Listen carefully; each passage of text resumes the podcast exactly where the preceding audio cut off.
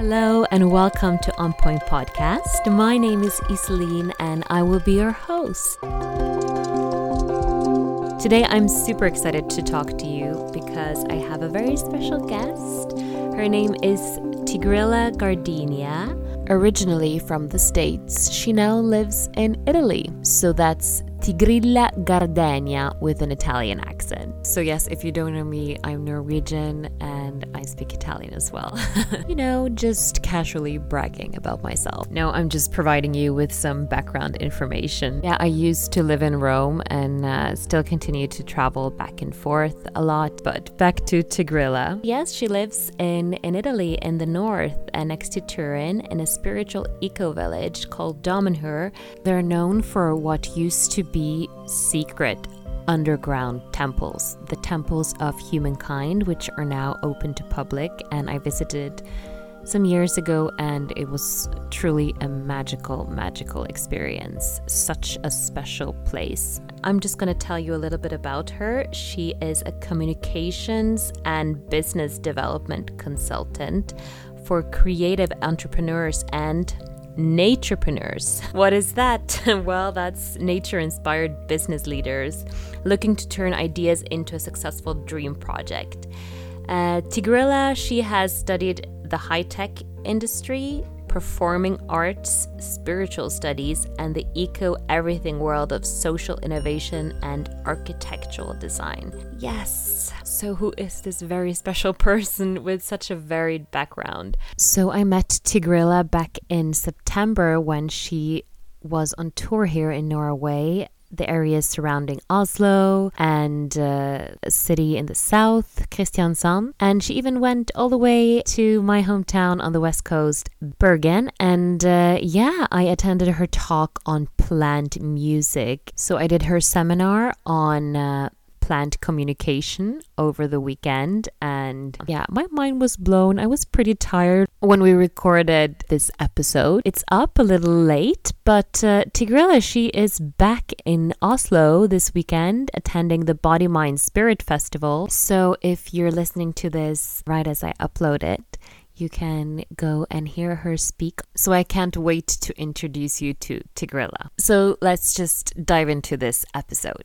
Yeah, so you've traveled with these workshops in different countries. Yes, I've been in Europe or yeah. All around. I've been teaching mm. communication with the plant world now since 2014 and I've been working pretty intensely with the plant since 2013 and I've yeah, I've given this workshop and lectures in just about like in North America, in different parts of Europe. I've been in Australia.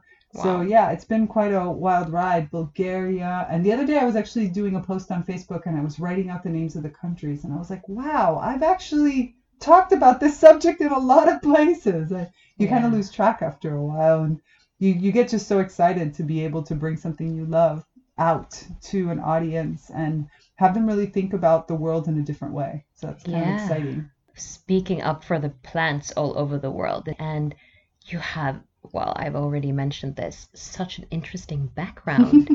I've got to say, you've been on tour with Cirque du Soleil, mm-hmm. musical theater. Yeah, I mentioned to you that I have a lot of friends in the theater world. And, like, so how did you go from being on stage and doing acting and singing and performing? Yeah.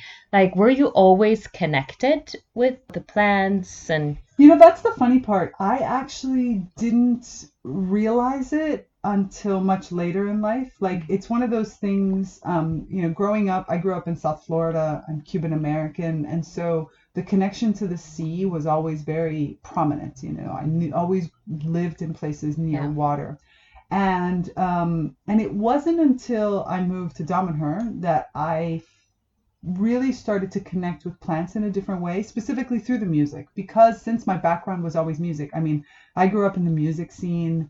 I my first love was always music. My degree is in music engineering. So I always had this strong connection from a, a way I saw life, the way I experienced life was through music. And then from a physical perspective, it was always the sea because that was what was there. And that was, you know, to me, the music scene and the sea are sort of connected because I would work at a club and then work there all night and we would get off at like four five six in the morning and all of us would like grab a beer and go walk to the beach and just sit at the beach and watch the sunrise. And so there was this always this connection to me of these two things. Um, but i never really thought about the details of the plants until i got to Damanhur and i started listening to the music of the plants. Like yeah. the plant music really made me realize that it, it made me see them like for the first time in my life where um, i started to go back to south florida and all of a sudden was like oh my god look how green it is here.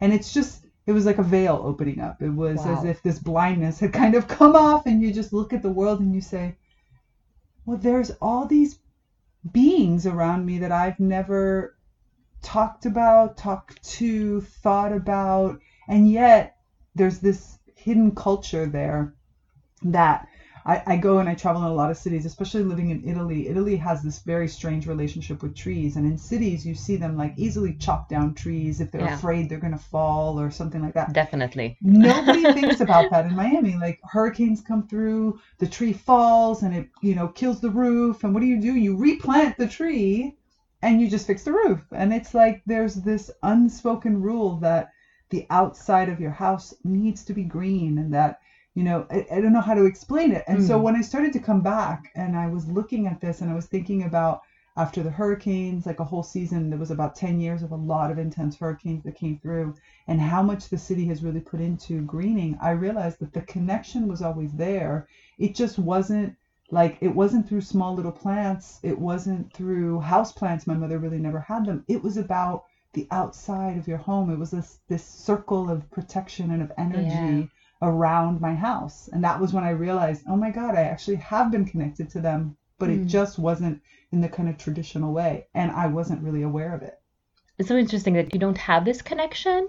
Uh, it's there, but you know, it might be hidden behind. It's plant blindness. Yeah. Absolutely. It's a Plant huge problem. blindness. Plant Oh my, blindness. It's yeah. a huge problem we have. We we don't see plants for real. We we tend to yeah. not not even see them as we're stepping on them as we're walking around we see them when you go to a garden store when it's like something abundant but in general the the tree that you walk by every day and you touch even you Mm. still don't it doesn't register in your head that you're like touching another being that's alive that's breathing that has an entire existence there Yeah. you think about it if it was a dog.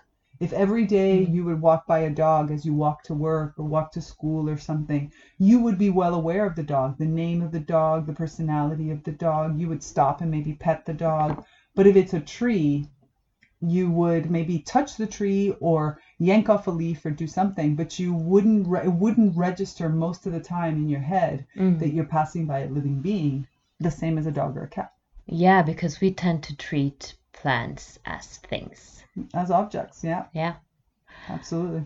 This is why you do these workshops in, uh, you know, connecting and communicating. And there's a lot of, um, we talked a little bit about this this weekend, this eco depression. Yeah. Is that what you called it? Yeah, eco Yeah. depression. There's a lot now of people who are really feeling the impact of what's happening in the planet. Um, you know, we get so much more news now, which on one hand is positive because what what we've been doing to the planet for you know 20 30 40 years has has long been hidden. We didn't know it. Now with internet with the way that news moves with social media we see a lot more of it. The positive side of that is of course the fact that we can do things about it. The negative is that there is this feeling at, at some point of hopelessness at the first you know and there's a lot of people that are really worried about there's they're talking about extinction between 2050 you know they're talking about all these types of things and so that's really scary Yeah.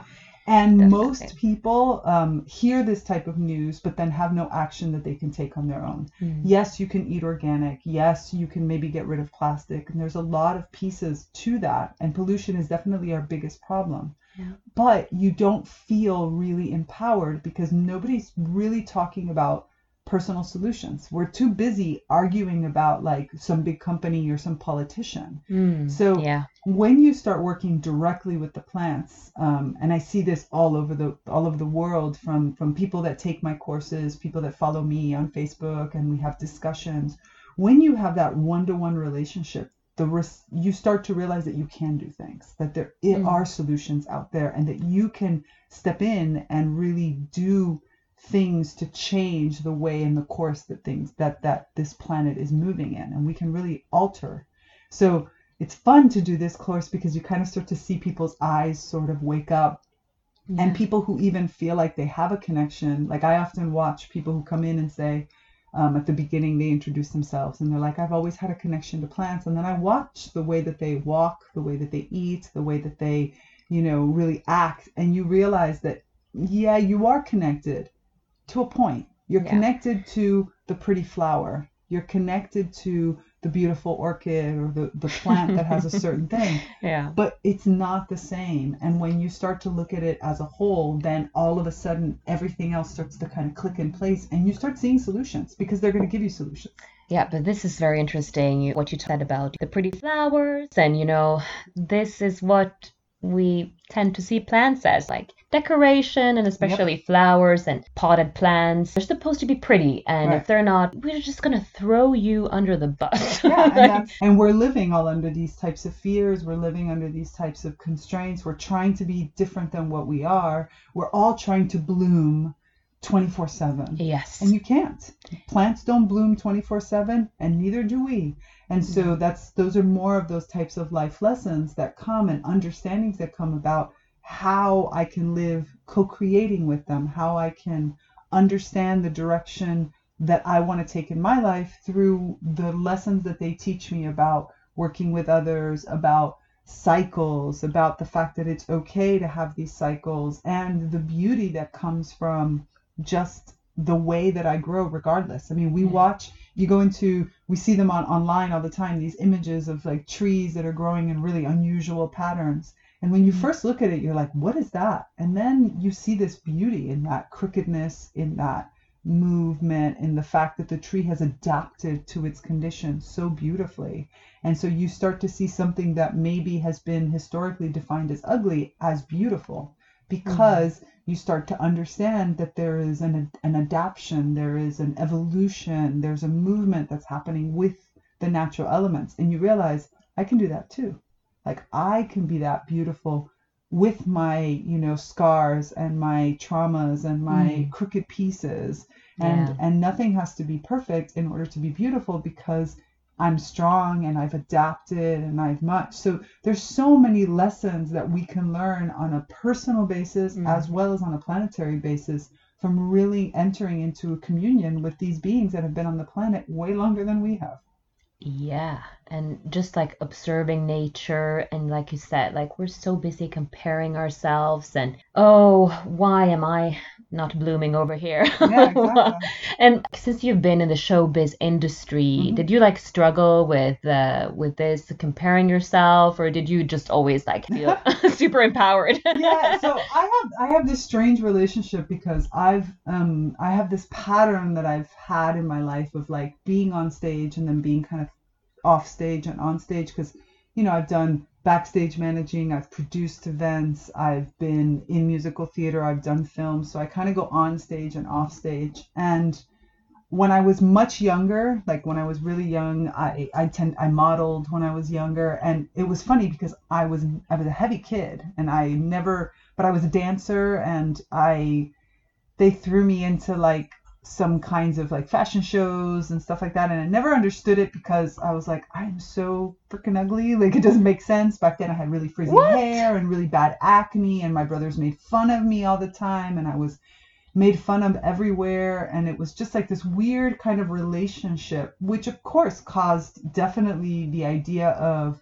okay i'm going to be the the funny fat friend rather than like you know the beauty type stuff and then i had this period of of transformation. And i have to say that my kind of the latter part of my 20s and the beginning of my 30s was a massive amount of transformation where i i kind of just stepped out of this corporate environment that I was working in. And I was and I went back into the creative environment with a whole different community that um on the one hand was definitely had their superficial parts to it but I don't know why I was just like okay I'm I'm really I'm done with that part like I can't I can't be anymore what other people want me to be and I really need to find my own voice and my own style. I've gotten really lucky that I have an incredibly wonderful mother who supported me in pretty much everything I've ever done. Oh. And that's super important when you have that kind of figure that you know you can rely on to give you that unconditional love. So I, I feel very lucky in that aspect. And while she is very pragmatic, she's always like, I'm your mother. I'm not your friend. I'm your mother. And I'm going to give Mm. you advice and I'm going to tell you this. And I want you to be safe and I want you to be everything. And that I, I think gave me this sort of safety to not be safe, to be reckless and to like oh, yeah. kind of just do my thing and really believe I somehow always believed that the more I would learn how to be me, the more the universe would take care of me. Oh. So oh, so it was like almost I love that. almost like it was almost like the pressure was on to stop being what anybody else wanted me to be and just to say, you know, I love passion and I love being intense and I love having like following dreams and I'm just going to focus on those types of things. And actually working with the plants has kind of enhanced that even more because yeah. it it has allowed me to it's given me yet another avenue to connect all these different parts of myself you know my sort of engineering mind from my original degree to my music so my creativity to my scientific background you know and, and really learning about all of them and how they work and then putting it all together in the thing that i do well which is to to speak and to teach and to really kind of help bring hope which is to me have been a continuous thread for me is how do I help people have hope? Yeah. Because the world can be kind of hopeless sometimes. Yes, definitely. Like you said, with the eco depression and everything. Yeah. I'm very passionate about, like you were talking about, looking at the cyclical part of Mhm. nature, and especially for us women to just relearn how to rest and digest I, absolutely. and not always be so on. And can we talk a little bit more about all the amazing benefits that we can get from getting into contact with nature and with plants? yeah, I mean definitely this is something this is some of the discoveries that are really coming out is the fact that we call it we call it biophilia, right? The the Mm. innate love of nature that we have, love of life that we have. And it's our connection to nature. And when we when that connection is severed, like it is for many people in a conscious way, we start to feel those that depression, that stress, a lot of different things. So there's many statistics and there's there's many studies right now about the effects of a closer contact with nature in how you feel. So depression rates that lower when you're when you live in a city that has more green space. Um, crime rates go down. Wow. We see mental health levels increase in the sense of positive mental health. Um, so we have all these different statistics that are coming out about how important it is for us to have a very close contact with nature. And specifically, one part is design and the way we design our cities and the way we design our spaces in order to help us really facilitate that Yeah. connection, to make that really easy for you to do. But there's another part of it that's also a mindset shift. And this is why I, in the work that I do, try to really bring using in particular the music of the plants, but using plants in general, really try to bring that contact to be direct because we as as human beings have a tendency to see nature as out there. Yeah. Like nat- the nature, the thing that is, which is kind of the next step to what they're studying, is that what makes us feel so good about nature is the wow factor. It's what it's Mm. the awe. It's the thing that makes you look at something natural and say, wow. Like because that part is uh, using a kind of more spiritual term, it is that sense of divine. It's that sense that there's Yeah. something bigger than me. And we Mm. already know that there are even statistics that are talking about there's studies that have been done around the fact that the, the more a person feels like their work is connected to their mission in life, whatever that mission may be and whatever however you define it. But if you feel like your work has meaning beyond just the individual thing that you do, then you're more likely to enjoy and be de- and not not have high levels of stress. You're more likely to really want to come to work and really do that. So plants in general and nature in general gives us that that feeling of awe, that feeling of there's something more out there. There's a meaning and a purpose. Because when you see a beautiful bloom that comes out of a flower and you say, how did all that green create that purple or that pink or that white color? How did it how are those leaves so small and so delicate and then created in a way that that bee comes directly there you know when you start seeing these relationships Yeah. Develop you get that sense of awe the thing is that we have unfortunately look at it like in mountains and trees that are climbing Yes, on mountains definitely. we start Mm. to look at it out there it's almost Mm. like hollywood has given us this sense that that that kind of purpose can't be close to us it needs to be the journey of the soul it needs to be something huge Yeah. But the this truth rings is- true. yeah and so all of us so many of us are on these journeys and we're trying to s- be the seekers and we're trying to find our we're trying to be harry potter and we're trying to be all these things Like, there can be only one you know all these different movie metaphors Yeah. when the truth is Mm. how amazing is it when a dandelion cracks through a, a, a sidewalk like like the miracle. It's like, how does this what looks like weak plant that you think you could just step on and kill which you don't kill it if you step on it trust me you can't kill a dandelion no matter how hard you try but how amazing is it that it still finds from deep down in the darkness of the earth Hmm. finds a way to find the little tiny sliver of life of light and to crack through a wall a sidewalk a rock Yeah, it just seems know, impossible. it seems impossible. And so if we start to look and find that that nature that wow factor really close to us if you watch your houseplants and really see how they grow and how they adapt to the conditions that you've brought them into which are probably not their native conditions. I mean orchids for example we have a bunch of orchids in the room. And so orchids for example grow on other trees. They Mm. they don't have a root system. They're not really supposed to be potted yeah, in a pot the roots are everywhere. yeah, exactly. And so what have they done? They've adapted. And so when Mm. we start to realize the power that they have and we start to realize that, well, we're part of nature too. So do we have those powers? And then you Ah. start to realize that you don't have to go on a giant journey and Camino de Santiago and all these types of huge things in order to really find your purpose. You could find it anywhere. So you've worked for Microsoft. I have not spent a lot of time in office buildings, luckily. But yeah, I I'm yoga instructor, uh, so I've been doing you know office yoga in in various uh, places, and you see a lot of their buildings. I gotta say. I'm so relieved after I've spent like an hour in those places to just go out and catch a breath of fresh air and just by spending one hour in these environments well i, I guess i'm very sensitive but you know there's there's a lot of research now on the negative effects of spending uh, a lot of time working in open landscapes that's been very popular and i can't even imagine the effects of, of working in a cubicle Microsoft is a great example of, without probably even knowing it, they built a giant campus. I mean, Microsoft has never been one to have huge buildings. They don't have in, in the main campus what's called um, in Redmond, Washington, which is where I worked. They didn't have large office buildings. Instead, there were lots of little buildings and lots of little buildings, and in between there was gardens, and you would walk. It was like walking in an in a U.S. campus, like a college campus. And so it was very green all the way around, and they had, you know, fields for cri- cricket and Mm. fields for volleyball and cricket and um, for football or soccer as we call it. And so the idea was really to start to do that. Now it's starting to come in to the Yeah. spaces also because you, if you have this beautiful thing outside, it's great. And luckily you have windows because most of the people have offices.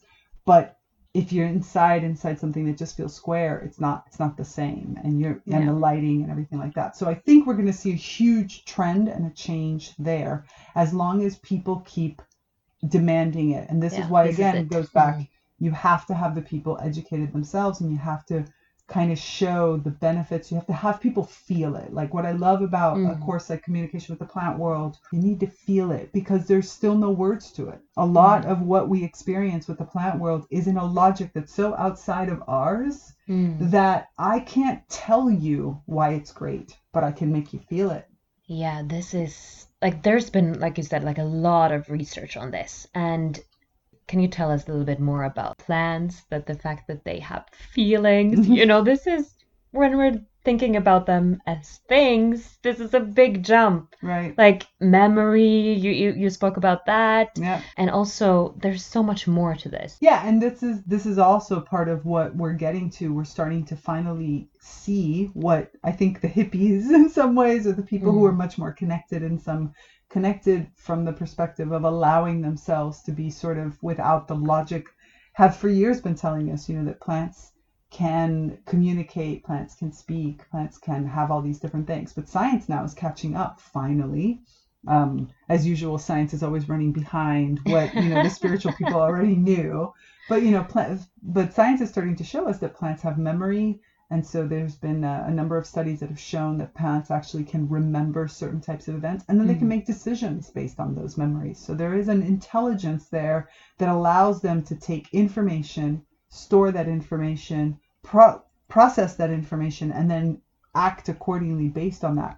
Which in some ways is what adaptation. They've been showing us this all along because the fact that you take a tropical plant and you put it indoors and eventually it stops dying and it starts to like Mm. thrive inside of an environment is an adaptation, but it means I was able to learn what my new environment was like, process what it was, adapt the way my leaves grow, my flowers grow.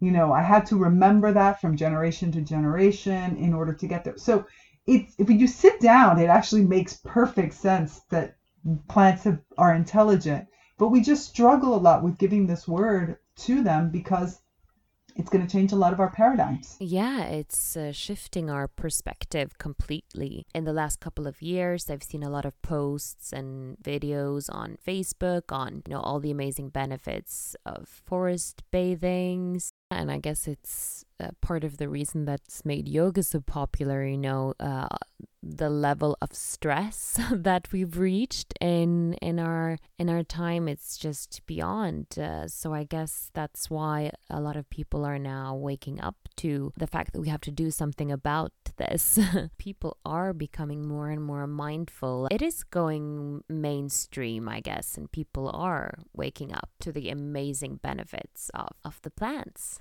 The Shinrin Yoku, which is the, the forest bathing, is an incredible movement of Yeah. like really bringing it into the professional world, the world of trauma. There's a lot of different um, groups that are, I mean, I have friends that are working for major corporations as like nature consultants that are coming in to- Wow. to, the whole new level of coaching and training for for really bringing people into this connection because they're realizing that that we, we just can't reach these levels so it's, it's not productive it's not it's not good for the people it's not good for the economy it's not Mhm. good for the environment not at all we know that all. but it's all about profit profit profit but it's actually Mm. becoming profitable and if you design a building in a way where people take Yeah. less sick days or for example there's a building that's designed in which is slightly separate but it's the same principle which is there's a building designed in Seattle, Washington that people are 70% more likely to take the stairs than the elevator. So now you have healthier people. wow and just just the design just the way that it's designed the way the light filters on it that looks like nature the way it's inviting the way that it's it's affluence and makes it easy for people who walk in and it makes it harder to take the elevator not harder because they put an obstacle in. It's just that the elevator's around Mm. and they look at the stairwell and they see it and it feels very natural. Mm, so that connection to nature is there you know the Yeah. plants around it that keeps those people more fit than just taking this, the elevator on a regular basis. And that means that these people are at work more often because they actually enjoy it. It's a Yeah. prettier environment. They feel more comfortable in it and they feel healthier in general. And so they want to be at work and they end up spending more time at work in a positive way mm. and so the company actually saves money Yeah, so you know, we live in such a um, synthetic world right now. Mm. You know, this is so interesting that we could maybe be prescribed like plant therapy There is or like actually nature Yeah. prescriptions are starting Wow. to grow in different countries. England has it, the United States has it. There's a lot of other countries that now have nature prescriptions. The idea that we have doctors that are actually prescribing a instead of before they give you any kind of pill or for things or stress or whatever, saying you once a week go take a walk in nature, and there are prescriptions that are coming out in this way. well, Norway is way behind. I, I know people also from the States say this or all over like, oh, we kind of look up to the Nordic countries. And I know that in some ways, yes. Everybody does talk about the fact that the Nordic countries are, you know, they're they're much more affluent they have much less less work time you work less hours than we do you have like men better health care than other places and stuff like that. So it was kind of interesting to kind of get around and talk to people and see you know, debunk some of it like what's real what's not real. Um, i was i have to admit very very surprised. I mean obviously as we know the the the nature here is stunning on one side Mm. but i have to admit that i was quite surprised to see the cities like i haven't seen that that richness of that connection in the city environment that i was kind of expecting i was yeah. i was expecting more um yeah more more more green but not so much as green of like let me just put a green there but Mm. more of a connection i mean i did get very lucky that my host that took me to Oslo walked me through pretty much the botanical garden and it was free and it was open to the public and and some other big garden spaces and big parks but even some sculpture parks and such I was like surprised to see I don't know kind of the nature moved off to the side and Yeah. I think that it's it's um it's gonna change with time but here we we see the problem like for example in bergen what i noticed is the typical problem of this other study that i was telling you about the nature of americans which is the study that says that nature is out there. So it's very much in bergen you get that sense that nature is when i go to my cabin you know Yeah. for the for for the norwegians it's very much like when i go to my cabin i go into nature. Or when i you know look up and go towards the mountain but it, you don't feel it in your kind of day-to-day life even though you have it you have plants everywhere in a lot of aspects but you don't feel that connection Yeah, and I'm thinking about this when I'm going, we're always going hiking, at least here in Bergen, up in the mountains, and we still have this goal mindset. We're gonna walk up here in this, we- we're checking our fancy clocks. I don't have one, but so I don't even know what they're called, but um, and then, you know, if I'm walking like slowly and just like want to get in contact with, you know, um, the trees and go and get lost in the woods. And if I'm standing there just not doing anything, people will look at me. And of course, you know, um, this tree hugging thing is always seen as a very, very hippie thing. It's like, how can we make it more normal, you know, to contact or even like, I don't know, speak to a tree? Right. Yeah. I mean, this is a big part of something that we've lost. I mean, if you go into any indigenous culture, there was a deep contact with nature and and a, a connection that, you know, they were the elders, there was the wisdom of, of nature, there was the wisdom of the trees or of the plants in general. Um, there was the the wisdom through ingesting food, ingesting of medicine. I mean, almost all uh, all our medicine, especially indigenous me- medicine, any Mm. kind of you know peoples of the world comes from nature. I mean, it was it is all there, and somehow we have just as we've lost trust in ourselves and we've lost trust in them, and we keep pushing them farther and farther and farther away. And like you said, our use of nature and i say use is is goal based instead of just contact based so there was a lovely story that i read um, of a man who decided that for one year he would go every week to spend one hour in the same place in nature. So he found a spot in a park um, or i can't remember it was like a wooded area near his house and he went every week for one hour and he just sat in the exact same spot and he just watched. And he said, you know, here we go, 52 times he sat Hmm. there at least and just spent an hour looking. And, you know, he had the tree that he was with, that he was sitting close to, and then all the other things. And he kind of documented, not from a documentation, but he just sat there with it. And then he would write afterwards and experience afterwards. And he said, the the difference of seeing the seasons of seeing the the different animals and the different trees and the relationships but specifically around how the trees were growing and how they were moving around and all these different aspects that it, it's almost like he had lost that part of life he had forgotten that life has these these movements and these cycles and it was Mm. just he said it was extremely rewarding to just sit there because there was moments that were hard i didn't really want to go or my mind was going in other directions or whatever all those types of stuff but just sitting in that familiar spot and watching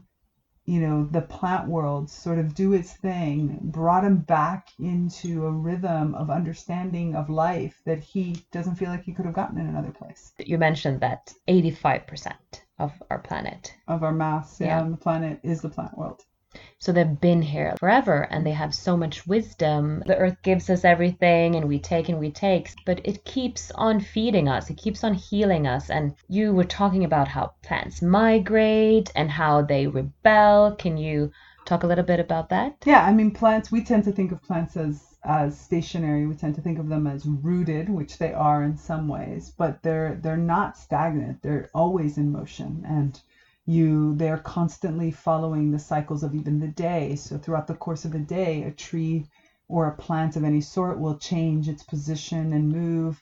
they will change the direction of their leaves and of their branches, including like drooping their branches at night as they go to sleep.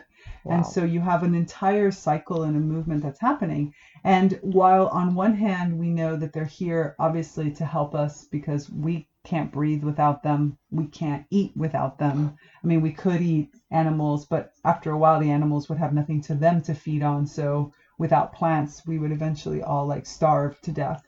Um, but at the same time, they're also very well aware of what's happening in the planet, and they they're they're not stupid, as I said. You know, they are intelligent, and so they move to keep in balance. That's their whole point, right? They're trying to keep things in a harmony and in a balance where we can all have. So if you look at a pristine ecosystem, there is this is the whole circular economy perspective, the idea that there is no such thing as waste. We as humans are pretty much the only beings that give off a waste that can't nothing can be done with it Yeah. because every other being the waste becomes somebody else's food or somebody's shelter or something of some sort. So there's an entire cycle that's happening in there. So the planet is you know especially the plant world is looking for that balance. And when things get out of balance they have to make changes. Hmm. And there is that means you know sometimes it means just stopping from where they are and, and migrating. So over the course of generations they can move in different directions because maybe there's not enough nutrients for them where they are and so there's no balance anymore. They're depleting the area or Mm. maybe there's an overabundance of something and so they'll slowly using animals and using wind and using other environmental factors will start to migrate into new territories. We're seeing this with pine trees that are going higher up and we're seeing it with other kinds of areas. But there also one way that plants do do this is by killing off what you know what's in excess sometimes Yeah. too if, if they feel like they're hurt. So you know we're starting to see plants really shift certain types of nutritional elements because we've tried to intensify their production. We as humans have constrained them. We've we've sort of um, directed the way that they grow in certain ways so for example wheat we've we've made it universal. We've put wheat in everything. We've we've raised the levels of of the way that they get um, that they're grown in such a fact that the gluten levels are way high. And so now people have gluten allergies not because necessarily their bodies have changed but because the plants have changed. The plants are giving off way more gluten.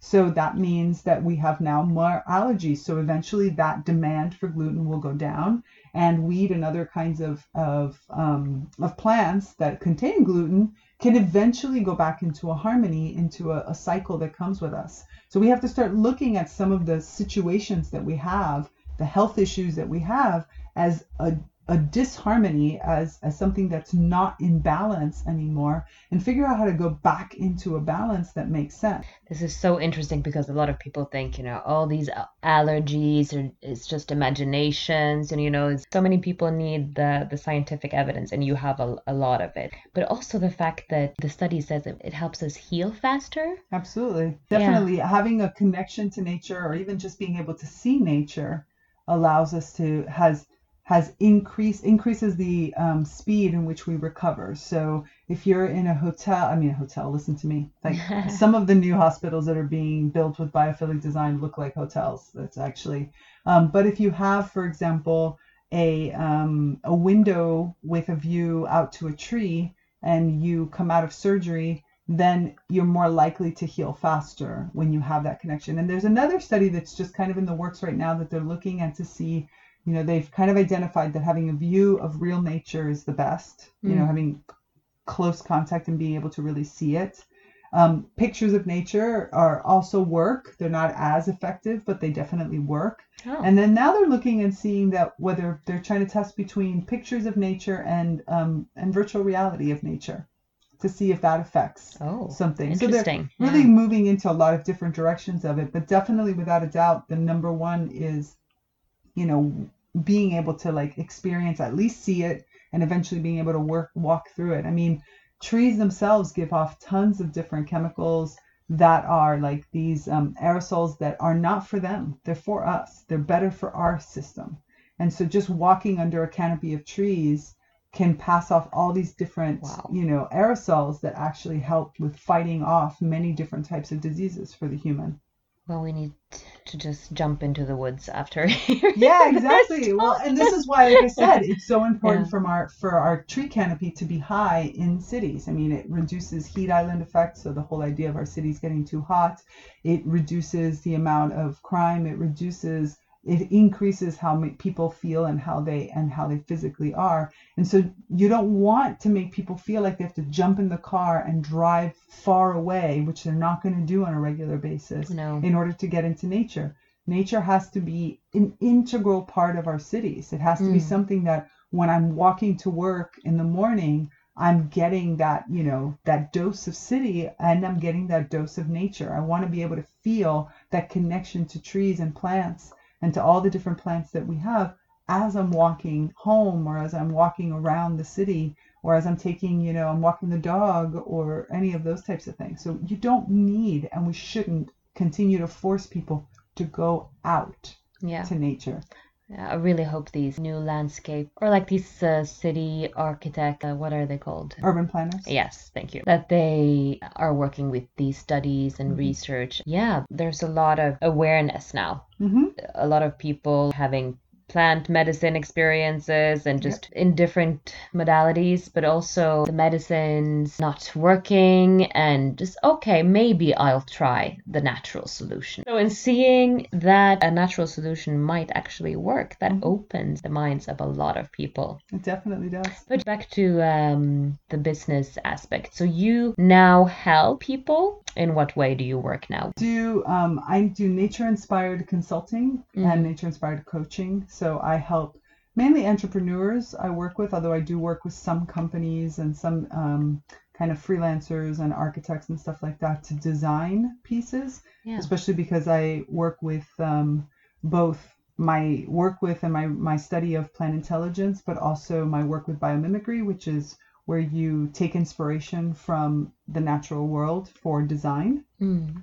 And so I work a lot with con- uh, entrepreneurs, small businesses that are trying to develop a more kind of approach to either the organization or their products that's in harmony and connection to nature. So looking at some of what we call, you know, the principles of, of life and how life itself grows and looking at how we can apply that to your business model.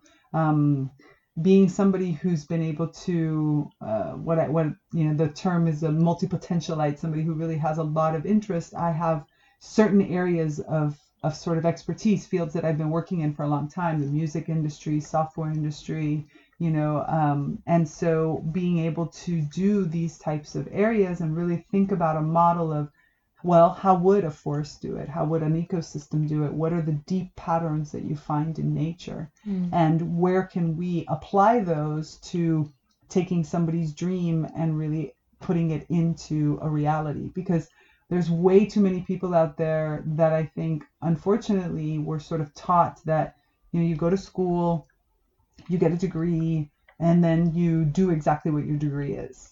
But Mm. today, the world is open to so much more creativity. And in reality, the, the most interesting things are when you take your passions and you sort of bring them together in a holistic way that makes sense, because that's what's going to keep you healthier and happier, Yeah. as well as the people that work with you. And there's a lot more space for that type of creativity now. So using kind of the intelligence of nature, I'm able to help people sort of put together their ideas and their dreams into a combination that makes sense and then bring them out in a way that is kind of in harmony with their own way of being because similar and that it's creating partnerships and relationships with other entities businesses um, individuals and such. Mm. so it's really about how do we create sustainable health and happiness in your business or in your personal life. So that's why i say it's like personal and business development in a nature inspired way I love that. we all need that, I guess. Uh, we didn't talk about the plant music. Can you just give us just a little brief explanation about how the heck the plants can play music? so I work with a device that's mm. literally called the music of the plants. It's um, a device that was developed by originally by my community, Damanhur. And over the years, it's been since the late 1970s that we've been playing around with this type of technology um, about in about 2014 we finally brought it out to kind of the world said it was we were ready finally to really make it easily available. And we put out uh, through one of the companies that was founded by Damanhurians they put out this first device the music of the plants u1 and this device allows plants to become musicians. So the device is specifically tuned using the electrical um, responses of plants. So it uses their electrical signal so we would use our hands or our or our voice or our you know wind or stuff like that. And plants instead use their electrical responses so that they can create notes of music. Wow. And it's it's been this interesting, really fun journey because I started with it, as I said at the beginning, you know, that was kind of what attracted me to the plant world, because being a musician, it's um, you know, music is is the the real language you know music is the original language and that yeah. we can all understand. So when i hear a plant making music there's it's it's like a voice like something i can really sink into. I can it, it it just makes sense in my head. It starts to click into place and i start to get the message. Just like i was whenever i watch or listen to any of my favorite musicians and i hear that music i can always sort of feel the emotion of the musician. And so it's the exact same thing for the plants. Um, and this this device just allows them to really express themselves um, through a series of different settings and to co-create with humans. So it allows them to bring out characteristics of themselves, such as their ability to heal, or it allows them to create with other musicians, whether they be plant musicians or human musicians, and create interspecies music. Wow. And so it's really the idea of expanding their vocabulary into a medium that we both understand. This is, uh, I can feel the the people listening like, oh wow, this is so futuristic yeah. and. Yeah, we still need to wrap our minds around this fact. Even for me, I feel like Uh, my mind has been blown this weekend. But do you have like um, coming from the music industry and everything? Maybe I could ask a fun fact. Like, what's your favorite musical? My favorite musical. Wow, it used to be for many years. It was The Secret Garden. I don't know why. I just always have loved The Secret Garden.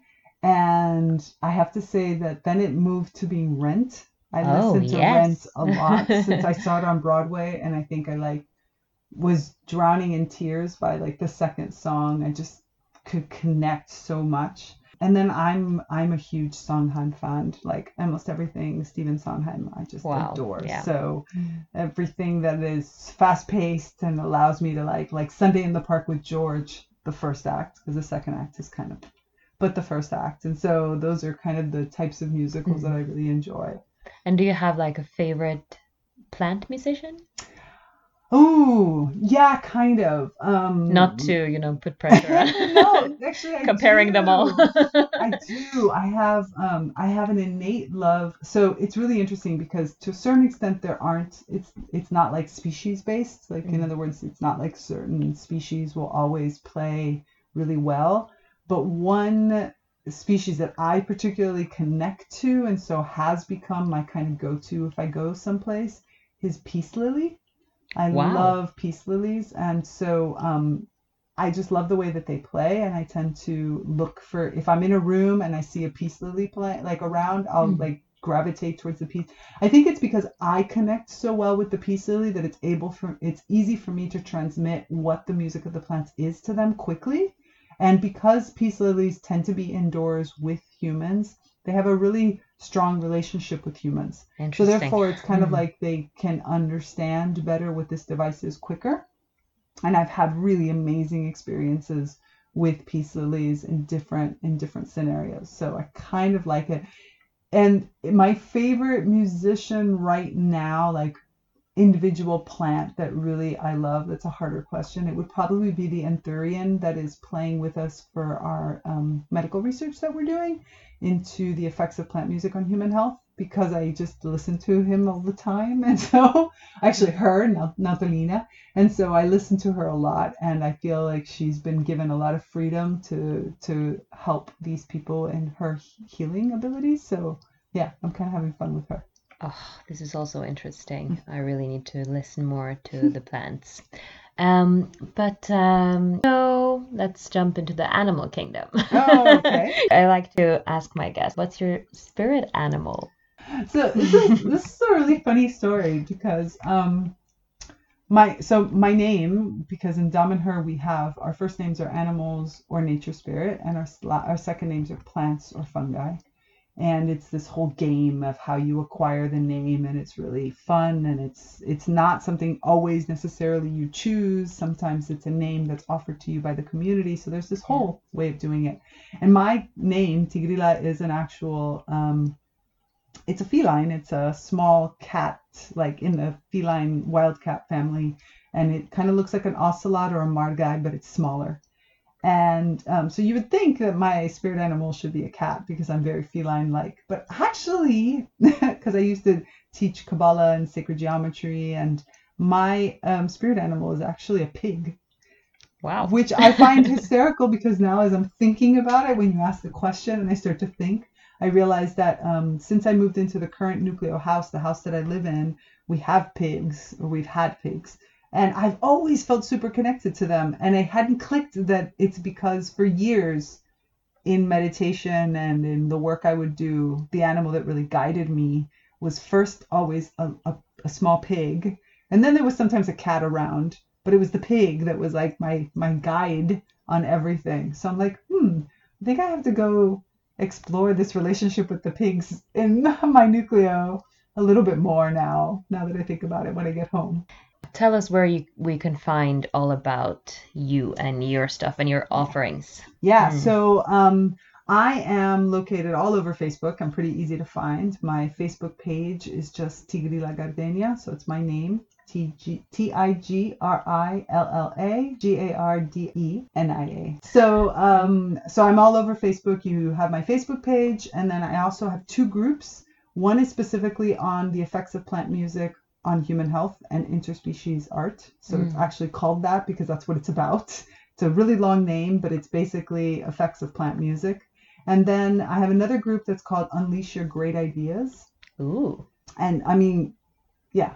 And it's all about really bringing your dreams to life. So this is more of the nature inspired consulting, but you can reach all of that from my page. And then, of course, I have a website, which is just my name also, Tigrilla Gardenia, and um, that you can reach. And I want to just thank you for coming on here and speaking more. So hopefully this is interesting to you guys. And I will link to all of uh, your socials and your website on um, my page as well. So thank you so much. Thank you. Thank you so much. Tusen tack. Tusen tack. Ciao.